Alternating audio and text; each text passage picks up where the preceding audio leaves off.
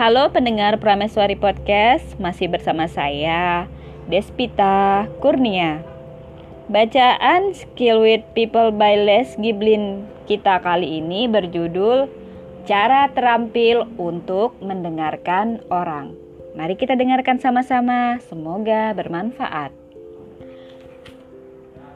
Semakin Anda mendengarkan, Anda akan semakin pandai, semakin disukai, dan semakin baik sebagai pembicara. Seorang pendengar yang baik selalu berhasil jauh melampaui seorang pembicara yang baik dalam hal mendapatkan afeksi orang lain.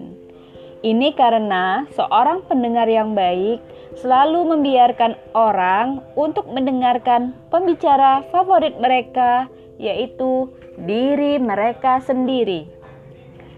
Ada beberapa hal dalam hidup yang akan membantu Anda lebih dari sekedar menjadi seorang pendengar yang baik.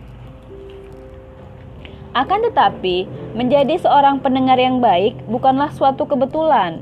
Ada lima aturan yang membuat orang menjadi pendengar yang baik. Satu, menatap orang yang sedang berbicara. Siapa pun yang berharga untuk didengarkan, berharga untuk ditatap. 2. Condongkan badan ke si pembicara dan dengarkan dengan penuh perhatian. Tampak seolah-olah Anda tidak mau kehilangan satu kata pun. 3. Ajukan pertanyaan.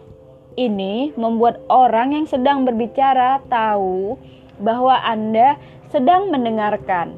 Mengajukan pertanyaan adalah bentuk sanjungan yang tinggi. 4 Ikutilah topik si pembicara dan jangan memotong atau menyela. Jangan mengubah topik yang sedang diutarakan si pembicara sampai dia selesai. Tak peduli betapa tak sabarnya Anda untuk segera beralih ke topik baru. 5. Gunakan kata-kata si pembicara, Anda, dan milik Anda.